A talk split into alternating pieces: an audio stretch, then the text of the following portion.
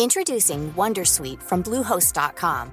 Website creation is hard, but now with Bluehost, you can answer a few simple questions about your business and get a unique WordPress website or store right away. From there, you can customize your design, colors, and content. And Bluehost automatically helps you get found in search engines like Google and Bing. From step-by-step guidance to suggested plugins, Bluehost makes WordPress wonderful for everyone. Go to bluehost.com/wondersuite.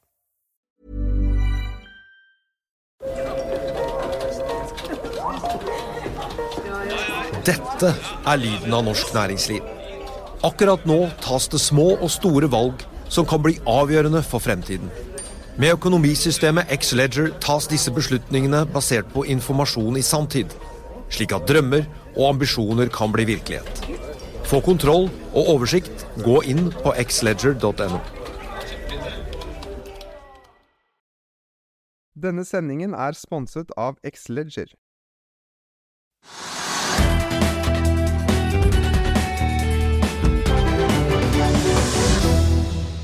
God ettermiddag og velkommen til Økonominyhetene her hos oss i Finansavisen. Mitt navn er Marius Lorentzen, og på denne solfylte høstdagen så er det langt mørkere og dystrere i store deler av nyhetsbildet, dessverre.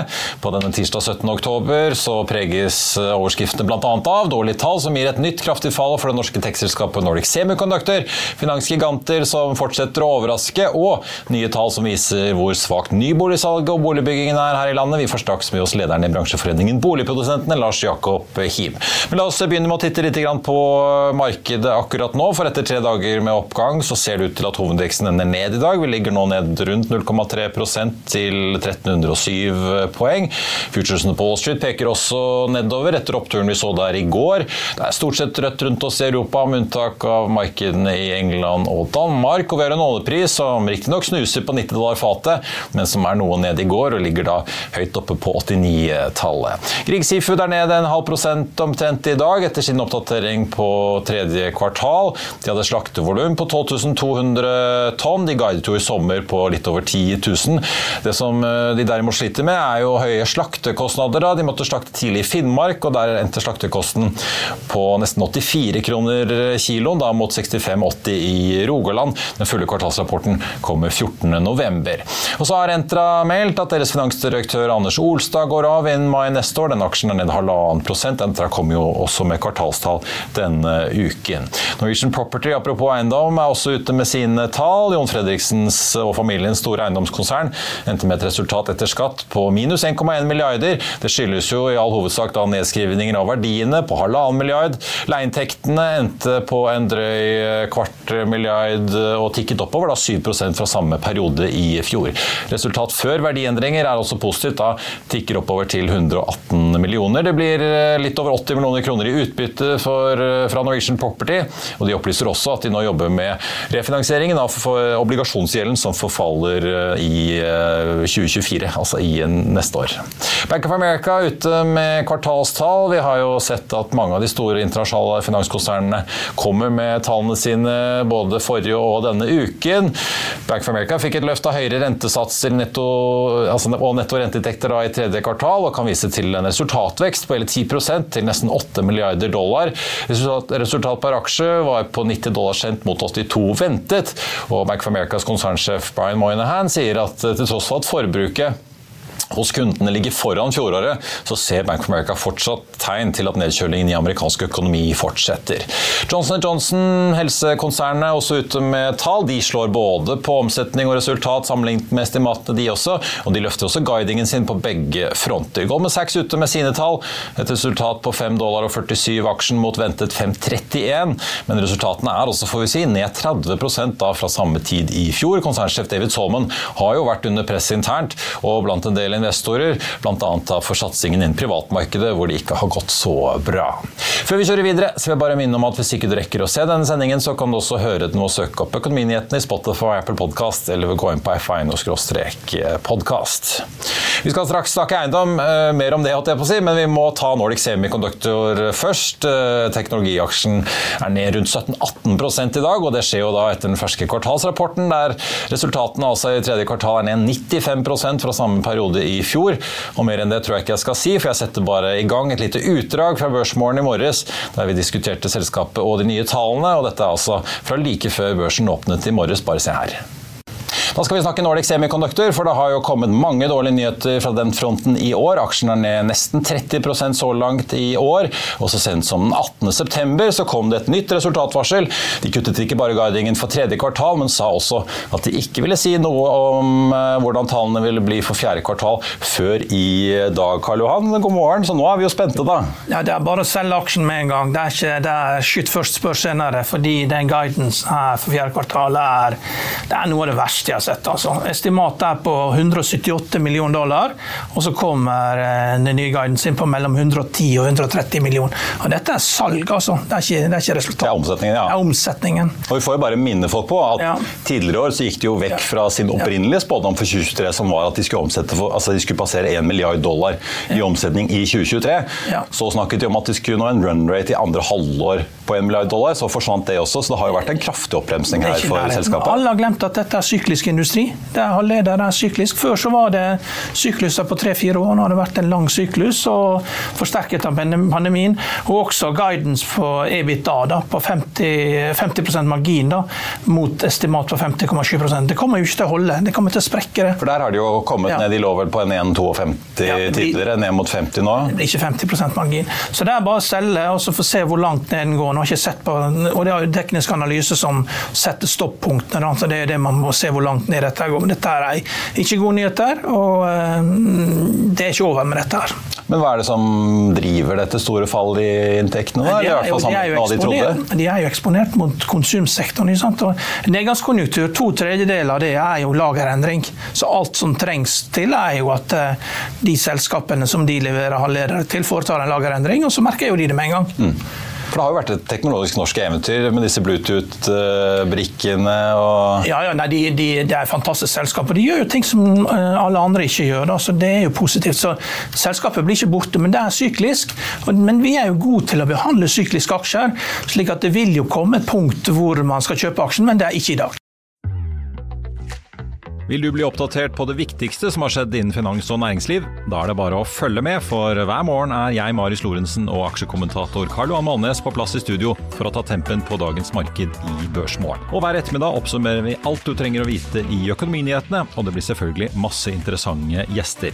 Klikk deg inn på fa.no-tv, eller søk opp Børsmorgen og Økonominyhetene der du hører på podkast.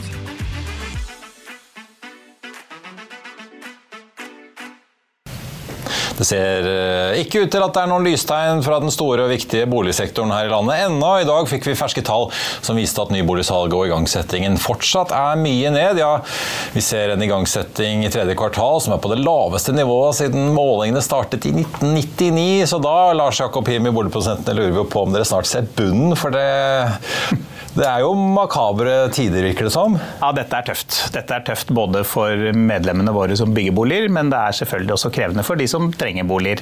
Eh, vi ser nok dessverre ikke noen tegn til at dette kommer til å snu med det første. Vi har hatt, langt, eh, vi har hatt dårlige tall på salg i en lang tid, og det gjenspeiler seg jo selvfølgelig i den byggeaktiviteten vi ser nå, men eh, det tar nok tid før dette snur, og det er jo mye usikkerhet når det, når det vil snu. Jeg får bare fortale, da, Når var det dere så først? Nå har jo du vært for da, da. Du, du har jo vært i jobben et drøyt år, så vi får jeg gratulere med det. Du surfet jo ikke akkurat inn på en sånn høykonjunktur uh, i næringen. Men når var det man begynte å se at uh, det begynte Nei, vi, å falle? vi hadde en uh, liten opptur midt under korona, hvor folk brukte pengene sine på hus, hjem og hytte. Da var det en økt aktivitet, og vi hadde et godt salg. Men siden midten av 2021 så har salget falt. Og det har falt jevnt og trutt, egentlig, og det fortsetter å falle også nå. Igangsettingen, altså den faktiske boligbyggingen, har jo holdt seg da oppe en stund. Den begynte ikke å falle skikkelig før på slutten av fjoråret, og da eh, det var særlig leilighetsmarkedet i storbyene som holdt seg lenge, fordi der er det jo et press i boligmarkedet. Men siden eh, nyttår så har det også falt eh, kraftig. Og så lenge ikke salget tar seg opp, så tar det nok litt tid før boligmarkedet kommer i gang igjen også. Ja, for Det er ikke så lett å satse motsyklisk heller, fordi banken gir vel ikke finansiering hvis ikke du har solgt unna halve prosjektet? så... Nei, du må gjerne selge en 50-60 og de færreste har nok kapital til å sette i gang prosjekter uten at du har solgt og får finansiering fra, fra banken. Så det gjør at vi kommer nok til å se at det blir få nye boligprosjekter som blir stilt ferdig de kommende år eller to også, gitt den situasjonen vi har i dag. Altså, igangsettingen i tredje kvartal ned 50% mot tredje kvartal i fjor. og tar vi da, Hvis jeg leste tallene deres riktig da så langt i år, da, første tre kvartalene så er man ned 62 mm. I Oslo virker det som det er nesten helt stopp. Ja, Oslo er jo Er det store forskjeller geografisk her? Nei, altså vi, vi så jo eh, altså, Det helt overordnet. Dette gjelder hele landet. Det gjelder alle boligsegmenter. Det er en kraftig brems overalt. Vi så det først i enebolig småhusmarkedet, eh, hvor ledetiden altså fra du selger til du bygger er mye kortere. Så vi så det falt. og Det er jo et indikasjon på at markedet er på vei nedover. Så så vi det jo etter hvert også i, også i leilighetsmarkedet. og nå er den kraftigste bremsen faktisk i de eh, boligmotorene vi har, altså i storbyene og rundt storbyene. Der er den største nedgangen. Og Oslo har jo nå de tallene vi har registrert. Dette er jo innmeldinger fra medlemmene våre, så det er selvfølgelig noen forbehold, men vi registrerte da i tredje kvartal i år ti boenheter i Oslo. Ja. Det er lavest i landet. Det var vel 90 et eller annet prosent? Eller? 99 mm. ned sammenlignet med for et år siden, og det er lavere enn Finnmark. Og det er dessverre ikke heller fordi man bygger mye i Finnmark for tiden. Vi skulle gjerne bygd mer der også, men, men, Oslo er nå faktisk lavest i landet. Ja. Ja, For de store motorene tenker du Oslo, Bergen, eh. Kristiansand, Stavanger, Trondheim? Ja, ja. Er litt bedre i Rogaland, for der er prisnivået litt annerledes. Og der går jo olje og annet bra. Og de har men, jo slitt med prisene tidligere år. Ja. Men, men allikevel, det er ikke noe eh, bonanza-stemning i Rogaland heller på, på dette. Og så har vi det særlige eh, forholdet at det, Oslo har jo vært, ligget lavt på boligbygging i lang tid og hatt en underdekning. Men Oslo har jo blitt bygd i Akershus. Altså man har utvidet og man har bygd mye i grenseområdene til Oslo. Bærum og Ski og Lillestrøm ja, og Asker og ja. Lørenskog, Lillestrøm, alt dette. Men nå er det jo en kraftig brems også i Akershus. Så du har en sånn du, du, du får ikke tatt ut den underdekningen du har i Oslo i Akershus heller. Og til sammen så ligger jo nå-bildet på Oslo og Akershus til sammen på 5000 i underdekning, hvis du ser på et beregnet Dette er lyden av norsk næringsliv. Akkurat nå tas det små og store valg som kan bli avgjørende for fremtiden. Med økonomisystemet X-Leger tas disse beslutningene basert på informasjon i samtid, slik at drømmer og ambisjoner kan bli virkelighet. Få kontroll og oversikt, gå inn på xledger.no. Denne episoden er sponset av van Brun, en fremtredende smykkeforhandler kjent for sitt brede utvalg av forlovelsesringer, gifteringer og diamantsmykker som bæres og elskes i generasjoner. Et frieri er en av de største øyeblikkene i livet, hvor forlovelsesringen er et tidløst symbol på kjærligheten. Valg av ring krever omtanke for både hvilket metall og diamant, med et bredt spekter av både naturlige og labdyrkede diamanter, og metaller som platina, gult gull, hvitt gull og roségull, hjelper de deg med å sette et personlig preg på din kjærlighetshistorie. Van Brun vil gjerne invitere deg til å prøve på tre av dine favorittringer fra nettsiden helt kostnadsfritt. Du kan også låne et bredt spekter av frieriringer, slik at du og din forlovede kan velge en ring sammen etter det store ja. Van Brun tilbyr 90 dagers åpent kjøp og 90 dagers gratis størrelsesjustering. Utforsk deres eksklusive sortiment i luksuriøse omgivelser. Bok en konsultasjon sammen med en diamantekspert i deres showroom i Oslo. Eller online på vanbrun.com. V-a-n-b-r-u-u-n.com boligbehov. Og det er klart det er en ganske dramatisk situasjon nå, men særlig hvis, og det kommer det til å gjøre, boligmarkedet kommer til å snu igjen. Dette er jo en næring som går opp og ned. Ja. Det er syklisk. Og folk trenger jo bolig. Og da kan vi jo med en så lav boligproduksjon som vi har nå, så legger vi jo grunnlaget for en ganske kraftig prispress om et år eller to, når dette snur. Ja, for Henning Lauritzen i Eiendom Norge, som kommer jo da med bruktboligstatistikken hver måned, de, han går jo rundt og advarer om at vi får en sånn, eller kan i hvert fall få en reprise av 2016 2016, hvor vi i Oslo så det var vel en 20% prisoppgang eller vel så det på et år. Det ble en sånn veldig kulminering av alle faktorer trakk mm. samme vei. Går dere og frykter Nei, vi, vi, det? At vi frykter jo selvfølgelig at det blir et veldig prispress, fordi det er ikke noe gunstig for eh, de som skal bygge boligene. Og det er i hvert fall ikke gunstig for eh, kundene våre. Vi vil jo gjerne ha en jevn, fin vekst som de fleste andre ønsker seg. Det er bedre for kundene, det er bedre for boligmarkedet og bedre for norsk økonomi. Og så har det jo en tendens til at det gjentar seg ikke akkurat. da. Det, det, er noen nye faktorer. Noen sammenligner jo nå tallene våre med finanskrisen, men det var jo en, primært en bankkrise, og som snudde raskt når eh, Kristin Halvorsen trakk gullkortet. Og da gikk det ganske raskt ned og ganske raskt opp igjen. Nå er vi nok redd at det er en dypere dal enn en det vi så den gangen, og at det kan vare lenger. Noen sier det ligner litt mer på 80-90-tallet. Det er jeg for eh, Jeg er voksen nok, men ikke så gammel. Ikke så, så, at jeg husker det, detaljene på det. Men, men allikevel, den gangen så var det bygd for mye. Nå bygges det jo for lite. Mm. Så det er alltid noen nye faktorer, og det vil vi helt sikkert få nå også. Men grunnlaget for at det kan bli et kraftig prispress, det legges dessverre nå. Men altså driverne bak dette her, da, åpenbart så er jo renten eh, en viktig brikke her. Så det har blitt mye dyrere å kjøpe og ta lån og få lån mm. og finansiere det. Det har blitt bygget selvfølgelig å bygge ut og låne for å bygge ut, så på en måte på begge, både kjøper og utbygger sliter jo der. Eh, byggekostnadene, som jeg har snakket med Veidekkes analysedirektør Kristoffer Eide Hoen om for ikke så lenge siden, har også steget kraftig. Mm. Men som han sa, de virker i hvert fall stabilisert seg. Men er det andre driver enn renter og byggekost som er det store nå? Ja, og så er det selvfølgelig mye psykologi i boligmarkedet. Eh, det er jo sånn at eh, renta treffer jo dobbelt, som du var inne på. Det treffer både kundene og det treffer de som skal bygge. Eh, og derfor så merker man jo det. Men i tillegg så er det jo den usikkerheten rundt hvordan den økonomiske situasjonen blir. Inflasjonen har jo gjort at de fleste som skal kjøpe seg en bolig, føler at de har dårligere råd. Og selv om man har råd, for det er det mange som har. Altså, Renta er jo ikke historisk veldig høy, og det er mer enn nok som kan finansiere et nytt boligkjøp ved å selge en gammel bolig. De har en god inntekt. Men usikkerheten gjør at de velger å sette seg på gjerdet, og det er det mange kunder som gjør. Eh, og så har du selvfølgelig at det er eh, kostnadene har gått mye opp, de har stabilisert seg, men de har ikke kommet mye ned. Og der har vi også utfordringer med at en del byggevarer som importeres, har du en høy valutakostnad på, som gjør at eh, selv om noe av råvareprisen og annet har gått noe ned, så, så er fortsatt byggekosten høy. Begynner disse forsinkelsene som jo mange slet med på ulike eh, leveranser å bedre seg, eller er det? Ja, det har jeg nok inntrykk av er noe bedre. Eh, men eh, nå er det jo mer utfordringen at det er ikke, det er ikke noen prosjekter der som det er økonomi i. Og det ligger jo mange prosjekter som nå er lagt på is, som er utsatt, fordi man klarer ikke å regne det hjem, rett og slett, sånn som det, sånn som det nå står. Jeg hadde jo besøk av sjefen i Nordkonsult eh, tidligere i dag. Eh, det var forstått om noe helt annet, for de skal jo på børs. Men, men, han nevnte jo interessant nok at det eneste stedet omtrent hvor de nedbemanner, er jo en del innen arkitekt og bygg. Og jeg ser eh, at arkitektbedriftene i Norge har jo hatt sin årlige interne spørreundersøkelse i bransjen. Og Steinar Skjæringstad, som er sjef der, eh, sier at de venter jo ikke noe bedring. I hvert fall for arkitektenes del, da, som jo tegner disse nye prosjektene før i 2025. Halvparten av kontorene melder om lavere ordrereserver nå enn for et halvt år siden. 30 Eh, har nedbemannet siden i fjor eh, høst. Er det det dere ser òg, eller ja. tror dere at det kan snu før 2025?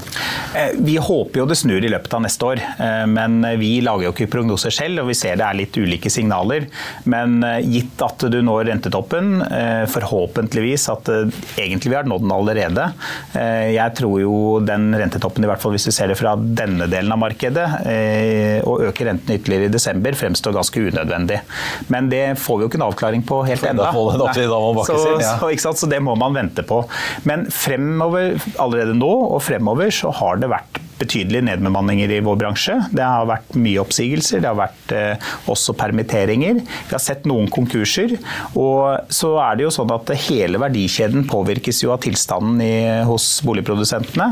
Vi har vel fått en beregning som viser eh, at man har mellom tre og fire årsverk i hele verdikjeden på grunnlag av hver boenhet som bygges.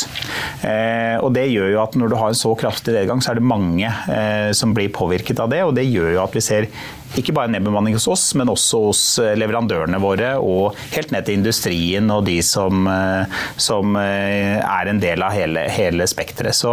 Og det er nok en fare for at det kommer mer av. Jeg hører signaler fra flere av medlemmene mine om at de må gjøre ytterligere kostnadskutt, sånn som situasjonen er nå. Og det er jo også en utfordring at du bygger ned kapasiteten i bransjen. For når da igjen dette snur, så tar det tid å bygge det opp. Og da får du igjen et press fordi du skal ha tak i de samme folka, du skal ha, eh, få dette i gang igjen med leveranser fra underleverandører osv., som igjen også bidrar til å kunne skape et ekstra prispress. Ja, for jeg spurte deg jo før vi gikk på luften her, hvor mange dere egentlig regner jobber i bransjen, for det er jo litt avhengig av hvor man setter krittstreken. Ja. Du har jo alt fra de som leverer betongen til kjøkkenet, mm. si, og, og, det er jo mange gråsoner her i denne ja, verdikjeden. Men, men når, når, man da ser at igangsettingen er ned med 50-60 mm. impliserer det en tilsvarende nedbemanning, eller ikke. en fjerdedel, eller har dere noen idé Nei, om hvor, vi, vi har hvor mye det blir? Men vi holder på å skaffe oss en bedre oversikt over det, rett og slett fordi vi trenger å se, se hvor mye nedbemanningen er. Men at, eh, folk, at, man prøver også å holde på fagfolka. Fordi det er klart det er mange som er dyktige fagfolk her, som er interessante for andre bransjer, og som man jo ser man kommer til å trenge når dette snur. Så man prøver jo å dra ut ordrereserver, man prøver å gi eh, Man prøver å permittere, man prøver å gi, eh, bevege seg over i andre markeder for å kunne holde på kompetansen sin. Men det er jo en krittstrek på det òg, hvor lenge du faktisk kan betale folk eh, når du ikke har inntekter. Men vi ser at det er ikke sånn én til én. At selv om eh, inntektene går ned, så, så eh, sier du opp eller permitterer like mange. Men at det, det koster nå, og at er, vi må vente enda flere nedbemanninger, det tror jeg er helt åpenbart. Hva er det som, Nå ser jo Handelsbanken Sara Midtgaard ut og påpekte i dag at det er veldig mange usolgte bruktboliger også som ligger ute i markedet, så det er jo mye, mye på lager. Ja. Men hva, hva tror dere må til av mekanismer for at ting snur her, da? Er det at uh, renten må begynne å gå ned, eller holder det at folk ser at ok, nå, nå stabiliserer det seg i hvert fall, så det blir ikke mm. verre enn dette? Det er litt interessant. Vi har sett på de historiske tallene, så er det jo to ting som har drevet eh, boligmarkedet over tid. Det ene er renta, naturlig nok, og det andre er prisutviklingen på bolig. Etterspørsel har av en eller annen grunn ikke alltid vært den største driveren på hvor mye boligproduksjon man har hatt. Uh, og det, hvis vi ser historisk, så tar det vanligvis litt tid fra rentetoppen eller rentenedgangen begynner, til boligmarkedet begynner å ta seg opp. Nå kan det kanskje være litt annerledes fordi renta er ikke på noe veldig høyt nivå enda, men det er jo også, også vanskelig å si. Vi tror jo uansett at den kombinasjonen av at folk føler at de får bedre, mer igjen i lommeboka ved at inflasjonen går ned, lønnsoppgjørene har jo vært, eh, nå vært realnedgang, men det blir kanskje annerledes neste år, uten at jeg kan spå det. Men, men at man føler en større trygghet etter økonomien vil nok, vil nok hjelpe. Eh, og Det er nok den store driveren. Og Samtidig så tror vi nok at vi trenger litt drahjelp både av kommuner og stat for å holde noe boligproduksjon i gang, for at det ikke skal være helt tomt når vi kommer om et år eller to. Ja, tenker du da offentlige byggeprosjekter mer enn boligbygging, eller at man via Husbanken og andre ja, Husbanken er et viktig stimulerer boligbygging? Vi ser jo at uh, Husbanken nå har rekordmange søknader på såkalte prosjekter med boligkvaliteter. Uh, det er en måte holde noe i gang. I tillegg så ser vi at vi har fått en voldsom tilstrømming av flyktninger fra Ukraina. Det har kommet 64 000. De er bosatt, de skal, bo, ja. de skal ha et sted å bo, og det er bygget veldig få målrettede utleieboliger med tanke på de. De er bosatt i mange Man har jo funnet løsninger, men det er mye midlertidig. Man bor på høyfjellshotell, man bor i kjeller og loft som er pusset opp osv. Så, videre.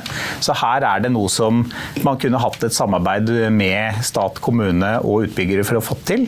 Og det er nå det er ledig kapasitet i bransjen. Det er ikke sikkert det er om et år eller to. Si. Kan, så, eh, så, her bør man kjenne sin, sin besøkelsestid det, på akkurat det. Det kan være at eh, ja, kommunene bør kjenne sin besøkelsestid hvis de har lyst på eh, en ny skole eller et nytt, mm. en ny idrettshall eller noe sånt? Ja, ja, eller boliger da som de trenger til enten flyktninger eller mange kommuner rundt i landet sliter med at de har for få senior, egnede seniorboliger i sentrum av kommunen f.eks. Bygge noe som kunne brukt til flyktninger nå, seniorboliger senere f.eks. Nå er det muligheten. Du får reise rundt med det glade budskapet rundt i Kommune-Norge. Lars Jakob Jakobim, tusen takk for at du kom til oss. Eh, det blir veldig interessant å følge utviklingen eh, videre. På tappen av sendingen tenkte jeg bare å nevne at hovedveksten på Oslo Børs ligger ned 0,4% nå, med Nordic Semi da som den store taperen i dag. I hvert fall hvis vi trekker ut kasinoaksjen SIS, som faller en 20 i dag.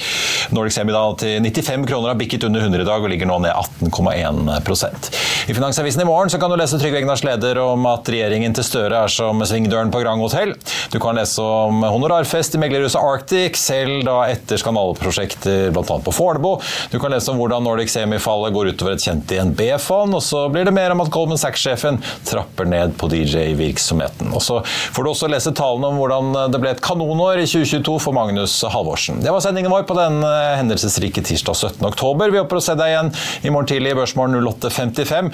Den har du ikke lyst til å gå glipp av. Da kommer nettopp investor og styreleder i Tørrlastrederiet 2020 Bulkers Magnus Halvorsen, så det er bare å tune inn. Mitt navn er Marius Lorentzen. Tusen takk for følget så langt. Ha en riktig god tirsdag, og så ses vi igjen i morgen.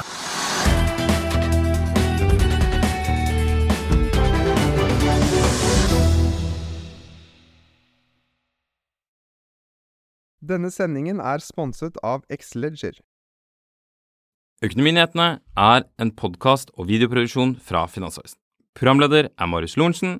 Aksjekommentator er Karl Johan Molnes. Produsent er Bashar Johar. Podkast- og videoansvarlig er Marius Mørk Larsen. Og ansvarlig redaktør er Trygve Hegnar.